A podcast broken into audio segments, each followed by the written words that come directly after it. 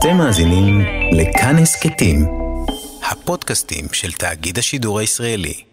כל ישראל, אוצרות הארכיון. ערב טוב. בשידורינו הקודמים נוכחנו לדעת כי מערכת הבחירות מתנהלת בעיקר סביב יעד מרכזי אחד, הרכבת הממשלה. הערב נשווה שלושה משטרים דמוקרטיים מודרניים מבחינת אופן הרכבת הממשלה וסמכויות השלטון המרכזי. כתבנו בארצות הברית, צבי גיל, זימן שלושה עיתונאים ישראליים, כתבי העיתונות בניו יורק, אלי ויזל מידיעות אחרונות, אליהו חסין מלמרחב ויעקב ראואל, כתב כל ישראל בניו יורק, לשיחה על המשטר הנשיאותי בארצות הברית. כיצד נבחר נשיא בארצות הברית? פותח אליהו חסין. ובכן, יש הבדל גדול בין uh, הדרך שבה בוחרים האמריקנים את נשיאם, לבין הדרך שבוחרים אזרחים ישראליים את ממשלתם. הנשיא האמריקני נבחר ישירות, אין חיץ בינו לבין הבוחר, חוץ מחבר אלקטורים שהוא למעשה ללא סמכות ממשית. אה, הבוחר בוחר באלקטורים כאילו, והאלקטורים בוחרים את הנשיא. אבל uh, למעשה כל אלקטור מופיע תחת דגל של מועמד, וברגע שיודעים מי האלקטור, יודעים כמובן גם מי המועמד, אה, מי זה שנבחר לנשיאות. הממשלה האמריקנית גם היא שונה מאוד לכן מהממשלה הישראלית. אין היא אחראית בפני כנסת, אין היא מקבלת אמון של מוסד פרלמנטרי, היא נבחרת על ידי הנשיא, ממונה על ידו, מתפט... מפוטרת על ידו, לא תמיד כולה, את מי שהוא רוצה הוא יכול להחליף, ואומנם אין השרים כאן אה, נקראים שרים, השרים כאן הם למעשה מזכירים לעניינים שונים, למחלקים, למחלקות שונות של הקבינט. עכשיו, גם, גם אופן כינוסו, גם סמכויותיו נקבעות הרבה מאוד על ידי אותה, אותו נשיא שמכהן אז. השאלה כאן שלנו היא, אם ככה, בפני מי אחראי הנשיא? הוא לא יכול לבוא בכל פעם אה, ולבקש מנדט מן העם. אה, הוא אמנם עשה זאת במקרים האחרונים, ג'ונסון, השאלה בפני מי הוא אחראי. אה, בפני הקונגרס, בפני הסנאט לחוד, בפני בית הנבחרים. יעקב, אולי אתה תתייחס לנקודה הזאת. אפשר לומר שהנשיא אחראי בפני התחוקה האמריקנית, בראש ובראשונה. נשיא ארצות הברית הוא המלך התחוקתי של ארצו לתקופה מינימלית של ארבע שנים, לתקופה מקסימלית של שמונה שנים, לפי תיקון לתחוקה משנת 52. הנשיא הוא הרשות המבצעת הפדרלית, הוא המצביא העליון של כוחות הצבא האמריקנים, הוא ראש המנהל הציבורי של ארצות הברית. הוא uh, מנהיג המפלגה שלו, במידה שהיא קיימת בין בחירות לבחירות. הוא מייצג את ארה"ב כלפי חוץ. הוא באמת המלך התחוקתי. הוא מלך תחוקתי כיוון שהוא...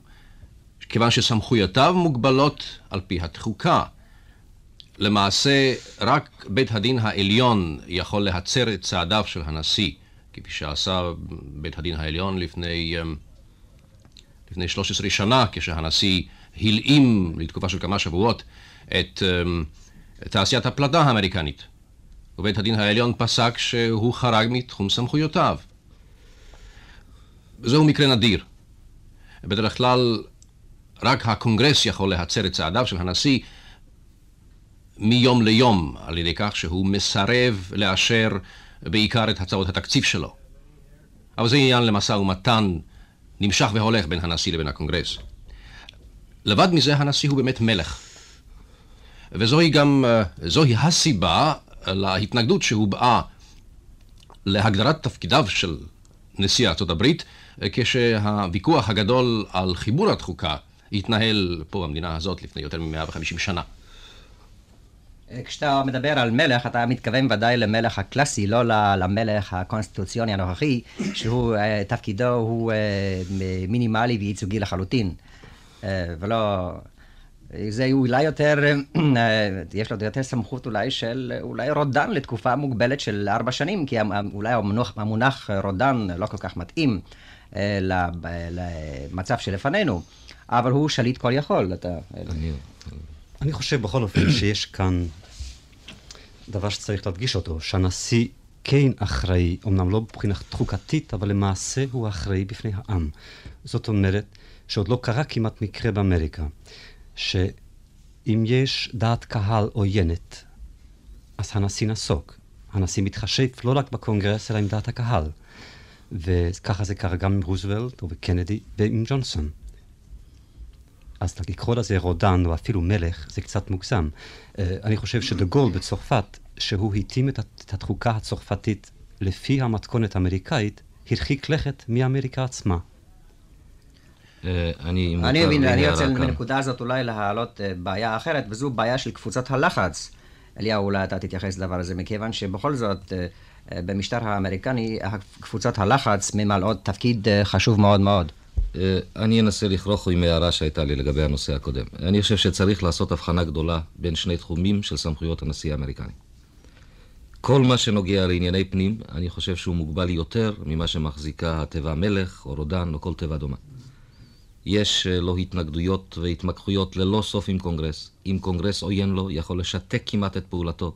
בית דין עוין לו, יכול כמעט לשתק את פעולתו הפנימית, כמו שעשה בית הדין העליון בשעתו לגבי רוזוולט.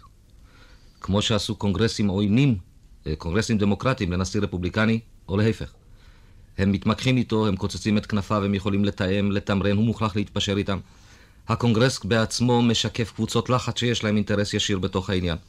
יש צירים שיש לוביסטים מוכרים שפועלים בין אנשי הקונגרס ובדעת הקהל הכללית, אה, שמתמרנים את דרכם כך שהדברים נגזרים גם על פי השפעתם, אינם חופשיים לגמרי.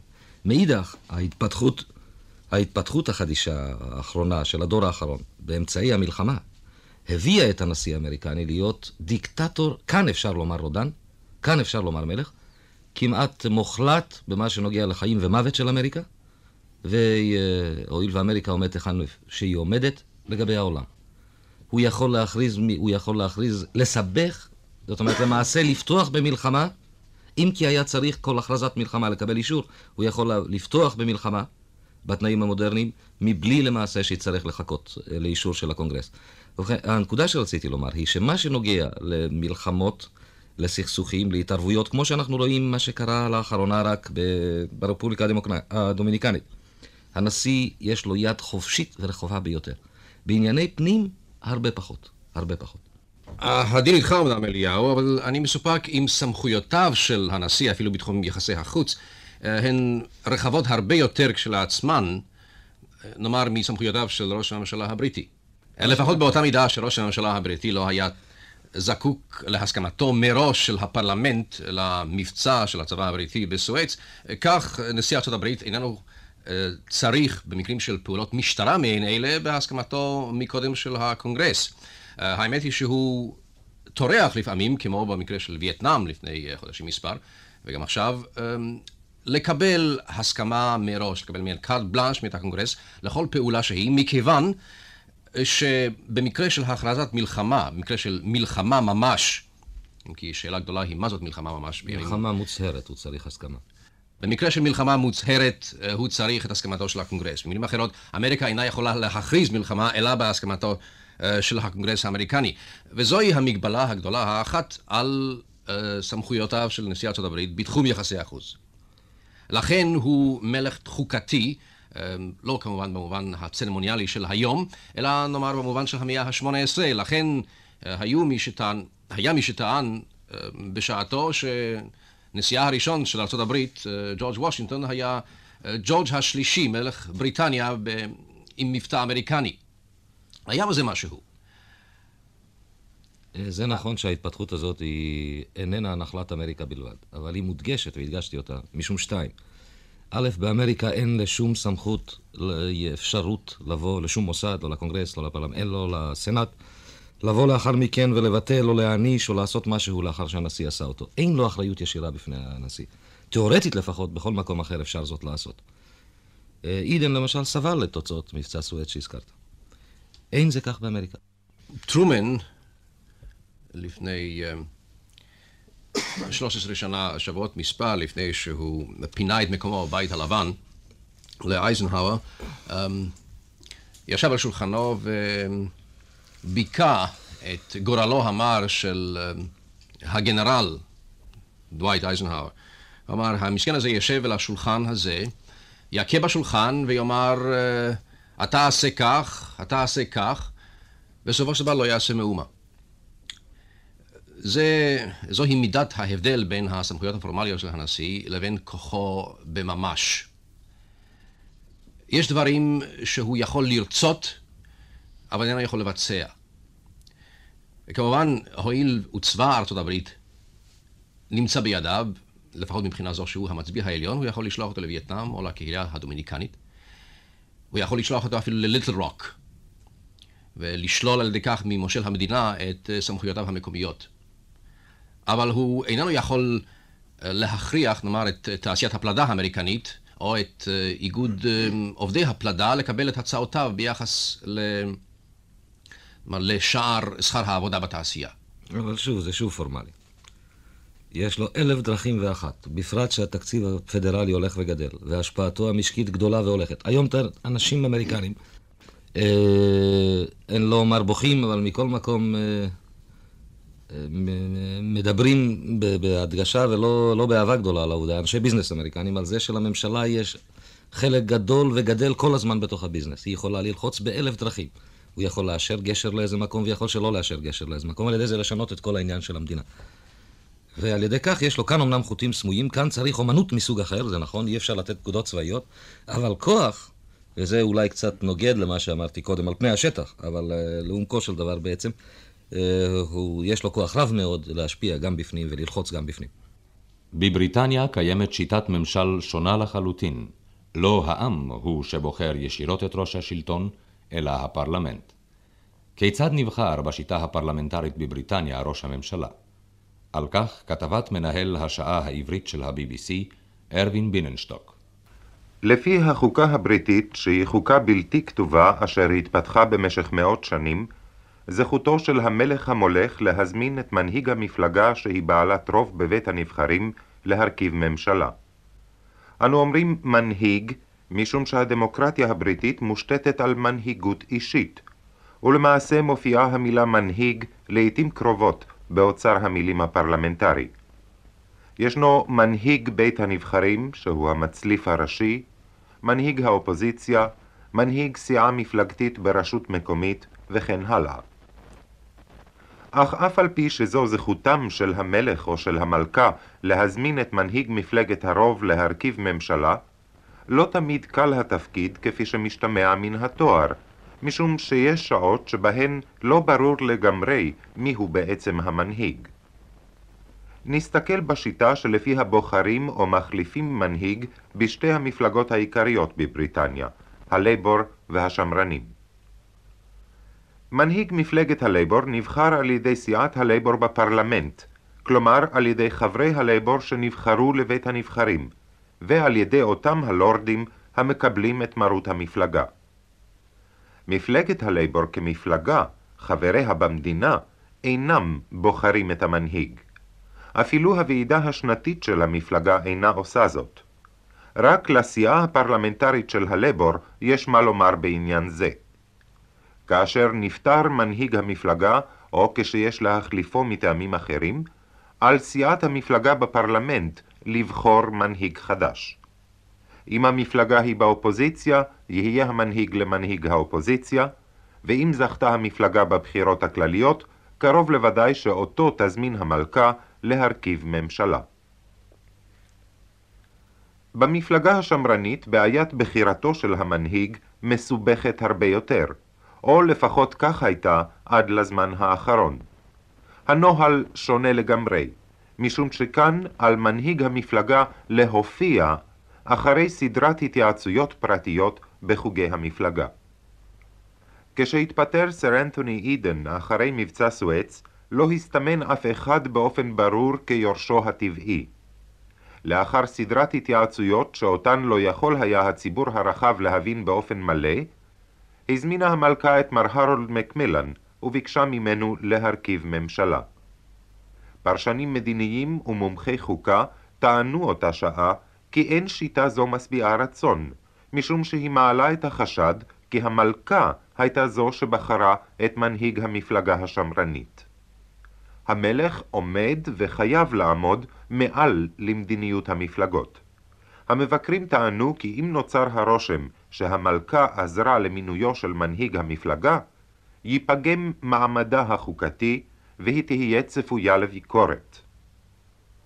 מצב דומה, אך מסיבות שונות, נוצר כשהתפטר מר מקמילן. התפטרותו חלה בד בבד עם ועידת המפלגה השמרנית בבלקפול. עיתונאים, פרשנים מדיניים, מצלמות הטלוויזיה והעיתונות הזרה שנכחו שם, ריכזו את תשומת הלב לשיטת בחירתו של המנהיג החדש. כיוון שלא היה מועמד טבעי אחד, למעשה היו לפחות חמישה מועמדים אפשריים, הפך התהליך של בירור דעת המפלגה, תהליך המתנהל תמיד באורח פרטי, לאירוע פומבי.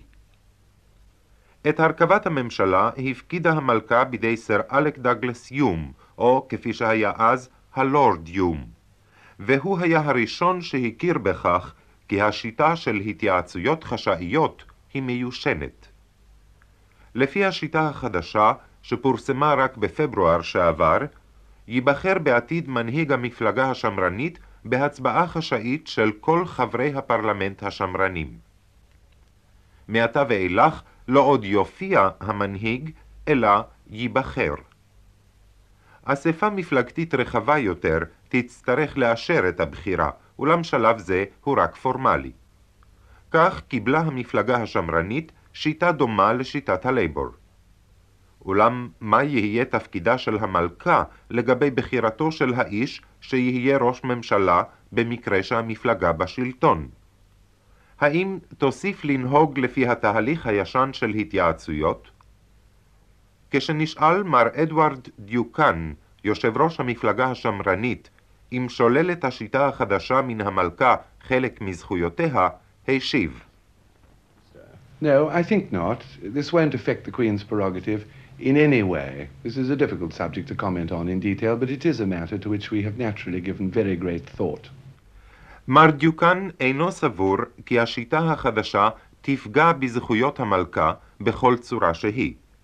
הוא הוסיף כי קשה להיכנס לפרטים בנושא כזה, אולם המפלגה השמרנית הקדישה לעניין מחשבה רבה. יש לזכור את שיטת ההתייעצויות המסובכת שהייתה נהוגה עד כה אצל השמרנים, כדי להבין מדוע הם מעדיפים לא לדבר על כך בפומבי. לאחר שהוזמן לעשות זאת, מרכיב מנהיג מפלגת הרוב את ממשלתו, הכוללת קבינט ומיניסטרים אחרים המכונים צוערים. אלה אינם משתתפים כרגיל בישיבות הקבינט, אלא אם הוזמנו. הבדל זה בין הקבינט הפנימי לבין המיניסטרים הצוערים התפתח במשך השנים. רק לקראת סוף המאה ה-18, כאשר נעשה ויליאם פיט הצעיר למיניסטר ראשי, הוגבל הרכב הקבינט לראשי משרדי המדינה העיקריים ולבעלי תפקידים מסורתיים שהיו למעשה מיניסטרים ללא תיק. התפקיד המרכזי בקבינט היה קשור באופן טבעי באוצר, והתואר ראש ממשלה ניתן תחילה למי שכיהן בתורת הלורד שעל האוצר. לאוצר עדיין יש עמדה מרכזית בממשלה, מן הסיבה הפשוטה שהוא מפקח על כספי הציבור, אף על פי שכיום קיים מיניסטר האוצר האחראי למשרד זה. אולם תוארו הרשמי של ראש הממשלה נשאר ראש הממשלה והלורד הראשון של האוצר. לאחר שמינה ראש הממשלה את הקבינט הפנימי שלו, הוא ממנה את המיניסטרים האחרים, את סגניהם ופקידים אחרים. בידו למנות את מי שהוא רוצה, אף על פי שחזקה עליו שיברר את הלך הרוחות בקרב מפלגתו, ואולי יביא אותו בחשבון. עם זאת, הוא האחראי בפני סיעת מפלגתו בפרלמנט, שחבריה ידונו אותו על כל מעשיו. אם אינם מרוצים מניהולו את ענייני המדינה, הם רשאים לחדול לתמוך בו. מעמדו של ראש הממשלה מיוחד בדמוקרטיה הפרלמנטרית, שכן הוא היחיד היכול להכניס שינויים בהרכב הממשלה, בין אם לא מילא מיניסטר את התקוות שתלו בו, ובין אם ברצונו לאפשר לחברים אחרים לרכוש ניסיון כמיניסטרים. הוא גם היחיד הבוחר את הזמן שבו יודיע למלכה על פיזור הפרלמנט לצורך עריכת בחירות חדשות, ברגע הנוח ביותר למפלגתו. על המשטר הדמוקרטי ברפובליקה החמישית של צרפת, משוחח אברהם וולפנזון עם דוקטור מיכאל בר זוהר. דוקטור בר זוהר, היינו רוצים לשמוע מפיך קודם כל, כיצד נבחר נשיא בצרפת?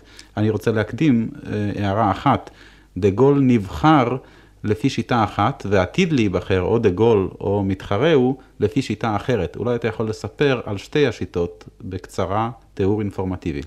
השיטה הקודמת שבה נבחר דה גול ב-1958 הייתה שיטה של בחירה על ידי גוף בוחרים, גוף בוחרים שהם נבחרים למעשה, נבחרים במועצות המקומיות ובכל מיני מוסדות דמוקרטיים ברחבי צרפת, שהגיעו למספר של כ-130-140 אלף איש. בעקבות ניסיונות, ההתנגשות בדה גול במשך שלטונו, הוא החליט להציע משטר של בחירת הנשיא בבחירות כלליות. מה זה קשור לניסיונות ההתנגשות? אולי אתה יכול להסביר לנו. Uh, הוא חשש לחייו, וחשש שעל ידי התנגשות בחייו שלו, בחייו של נשיא שאחריו, ייפסק, ייחתך הקו השלטוני, הקו הפוליטי של נשיא צרפת. והוא טען שבמקרה כזה צריך יהיה העם כולו להחליט מי יהיה נשיאו, מי יעמוד בראשו, ולא קבוצה של נבחרים מקומיים, שגם הבחירות בקרבם ייקחו הרבה יותר זמן, וגם לא יביאו לתוצאות המקוות שהעם כולו יעמוד מאחורי הנשיא החדש. זאת אומרת, הוא רצה שיטה יותר פשוטה של בחירות לנשיאות, ולא שיטה כל כך מסובכת. יותר פשוטה, יותר ישירה, וגם המקפידה יותר לקשר בין העם לבין הנשיא.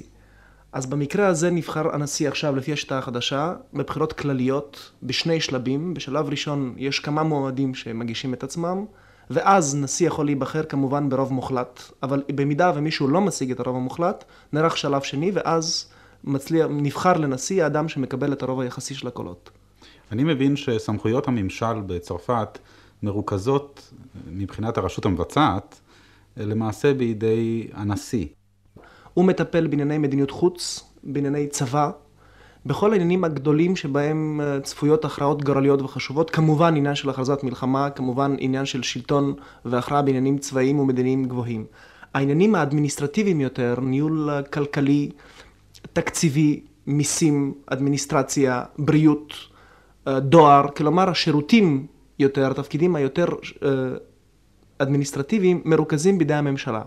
ונוסף על כך, ברגע שאיזושהי בעיה בתחום הכלכלי או החברתי, שעליו דיברנו כרגע, מקבלת בצרפת ממדים חמורים יתר על המידה, גדולים יתר על המידה, אז היא למעשה כמעט באופן אוטומטי עוברת לידי הנשיא. כך שלמעשה על אף חלוקת הסמכויות בין הנשיא לממשלה, כל דבר חשוב ומכריע בצרפת עובר בסופו של דבר לשולחנו של דה גול. כיצד מורכבת ממשלה בצרפת? אה, ממשלה מורכבת בשני שלבים. נשיא צרפת מטיל על מישהו שיכול להיות איש מפלגה או לא איש מפלגה, פקיד בכיר או אישיות כלשהי להרכיב את הממשלה. ההוא, אדם הוא לא חייב להיות חבר הפרלמנט? הוא לא חייב להיות חבר הפרלמנט. פומפידו, שהוא ראש הממשלה הנוכחי, לא היה חבר הפרלמנט כידוע. הוא היה בזמנו ראש לשכת דה גול, והוא מרכיב את הממשלה, אותה הוא מציג בפני הנשיא ובפני הפרלמנט, אשר מצביע הצבעת אמון. מה בעצם תפקידו של ראש ממשלה במשטר נשיאותי בצרפת? אנחנו ראינו שעיקר הסמכויות נוטל לעצמו הנשיא, או החוקה נותנת לנשיא. מה נשאר לראש הממשלה לעשות? כן, למעשה, כמו שדיברנו, לראש, לנשיא צרפת, בידי נשיא צרפת מרוכזות הבעיות הגדולות, הקובעות, החמורות, שהוא רואה בהן את עתיד ארצו ואת אה, עתיד, עתיד ארצו בעולם. הדברים השוטפים, למעשה, בדרג יותר נמוך, בדרג של טיפול יומיומי בבעיות כלכליות, חברתיות ושירותים שונים בתוך המדינה, נתונות למעשה לידי ראש הממשלה, וגם הביצוע של ההחלטות ושל ההוראות הבאות מלמעלה, כלומר מארמון הנשיאות, הן נתונות בידי ממשלת צרפת. האם השרים אחראים קודם כל בפני ראש הממשלה או קודם כל בפני הנשיא?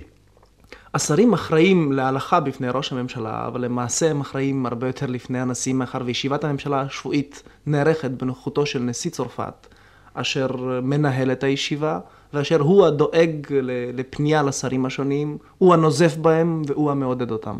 כך שלמעשה, כאן, כאן מופיעה הנקודה האישית, אישיותו של דה גול, שבגללה למעשה השרים הרבה יותר אחראים אה, כלפיו מאשר כלפי ראש הממשלה. אף על פי שבאופן חוקי, ראש הממשלה הוא האדם המקשר ביניהם לבין הנשיאות. מבחינה פורמלית, כשדה גול רוצה שינוי במדיניות של שר מסוים, או הוראה מסוימת לשר, הוא מעביר את זה דרך ראש הממשלה, או שהוא מעביר את זה ישירות לשר? הוא מעביר את זה ישירות, ולפעמים בצורה מאוד גסה, בצורת נזיפה בישיבת ממשלה, ללא שום, שום מעבר דרך ראש הממשלה. ראש הממשלה יכול מצידו לעשות את זה, לפקח על השרים, אבל זה דבר אחר. אני מבין שאם כך למעשה, האחריות העיקרית של הממשלה היא בפני הנשיא, היא כאילו כלי ביצוע של הנשיא. בהחלט. בפני מי אחראי הנשיא עצמו? הנשיא עצמו אחראי בפני האומה הצרפתית. זוהי נוסחה יפה, אבל הנשיא איננו אחראי בפני בית הנבחרים, ואיננו אחראי בפני הסנאט. אבל למעשה אין לו אחריות, כלומר, הוא לא, הוא לא צריך לבקש הצבעת אמון בזמן שלטונו. האם הוא לא צריך גם לבקש הגדלה או הרחבה של התקציב בכדי לבצע את המדיניות, או אישור לתקציב? תקציבים זה כבר עניין של הממשלה. הממשלה היא המבקשת את התקציבים. ממי היא מבקשת אותם? מבית הנבחרים. כן, הממשלה בכל, הממשלה הצרפתית, מה שמיוחד אצלה זה שהיא אחראית למעשה בפני שני גורמים. היא אחראית בפני נשיא צרפת ובפני האספה הלאומית הצרפתית. זאת אומרת שעלול להיווצר מצב פוליטי שבו אה, דה גול או מישהו אחר יכול להיבחר כנשיא צרפת, ואילו בפרלמנט יהיה רוב למפלגות העוינות אותו, המתנגדות לו. המפלגות האלה יכולות להכשיל כל קו מדיני על ידי אה, אי אישור התקציב. בהחלט, לא רק אישור הן פשוט יכולות לא לאשר את הממשלה שדה גול יהיה מעוניין להקים. כן. ובעד זה קיים סעיף אוטומטי בחוקה. והוא אומר דבר כזה, ברגע שבית הנבחרים מצביע הצבעת אי אמון בממשלה הצרפתית, הוא באופן אוטומטי מפוזר, ואז נערכות בחירות כלליות. כך קרה לפני כמה שנים, אם אתה זוכר, כשנפלה ממשלתו של פומפידו. כן. נפלה הממשלה, בית הנבחרים פורק, מפלגות האופוזיציה קיוו באמת בדיוק למה שאתה אמרת, שהם יצליחו לצבור רוב, להקים אז, אה, להקים ממשלה אופוזיציונית מול נשיא שלא יוכל בכלל לפעול יחד איתה, ואז דה גול יהיה חייב מסיבות אלה או אחרות להתפטר מתפקידו, כי הוא לא יוכל להמשיך מבחינה מעשית. כי לא יהיה לו תקציב בניהול המדינה. כן. ואז אבל קרה הפלא הגדול, כשהתברר שיש רוב עצום למפלגה הגוליסטית, ואז הצליח פומפידו להקים ממשלה של גוליסטים ש-90% ממנה היו חברי המפלגה הגוליסטית. זאת אומרת שהמצב הפוליטי בצרפת, ואולי השפעתו האישית של דה גול, הצילו אותה מסימן השאלה הפוליטי שקיים בתוך החוקה שלה. כמובן. השפעתו האישית של דה גול, וגם מעמדה של מפלגתו שלמעשה תלויה בהופעתו ובשיעותו. אין שום ספק. אנחנו עברנו, אם ככה, מהמישור הפורמלי של החוקה וחלוקת הסמכויות למישור הבלתי פורמלי. וכאן הייתי רוצה לשאול אותך, יש טענה כלפי משטר דה גול. טוענים שזה סוג חדש של שלטון, שלטון באמצעות הטלוויזיה. מה אתה יכול לספר לנו על המכשיר הזה, והאם באמת זה משנה ומשפיע על סמכויותיו הממשיות, הריאליות של דה גול בצרפת? אין ספק שזה משפיע מאוד, מפני שזה מוסיף על כל הסמכויות הכתובות, בטל... הכתובות בחוקה והמנוצלות למעשה, מוסיף גם, אפשר להגיד, את הסמכות המיסטית, המוסרית או המורלית על הרוחנית, על המוני העם בצרפת, מפני שאין ספק שדה גול יודע מצוין להשתמש במכשיר הטלוויזיה, והוא מנצל אותו גם היטב לצרכים שלו. אם על ידי ההופעות שלו מדי פעם בטלוויזיה, על ידי הנאומים שהוא אה, עורך בטלוויזיה, אם על ידי כל מיני תוכניות שהוא לא אחראי עליהן, אבל נערכות ברוח גוליסטית, ואם בעזרת כל האנשים, אנשי מפתח שעומדים בראש יומן החדשות ובראש כל התוכניות הפוליטיות, ומנהלים כל מיני תוכניות, אה, מפגשים, סימפוזיונים, אה, מערכות, ויכוחים, שהנושא שלהם, שהקו שלהם הוא גוליסטי מובהק. כך שלמעשה הטלוויזיה משמשת כלי מצוין בידיו של דה גול. כמובן שבבחירות, ברגע שישנן בחירות או משהו כזה, ניתנת זכות דיבור לגורמים מהאופוזיציה, כלומר חלוקה של דקות, כמו שיש לנו בכל ישראל, חלוקה של כמה דקות לכל נואם, לכל מתווכח, אבל הקו הכללי, האווירה הכללית היא ללא ספק גוליסטית. השווינו הערב שלושה משטרים דמוקרטיים מודרניים, אלה של ארצות הברית, של בריטניה ושל צרפת, מבחינת סמכויותיו ואופן בחירתו של העומד בראש הממשל. בעיה זו קשורה בסוגיה הכללית של שיטת הבחירות, ועל כך בתוכניתנו הבאה.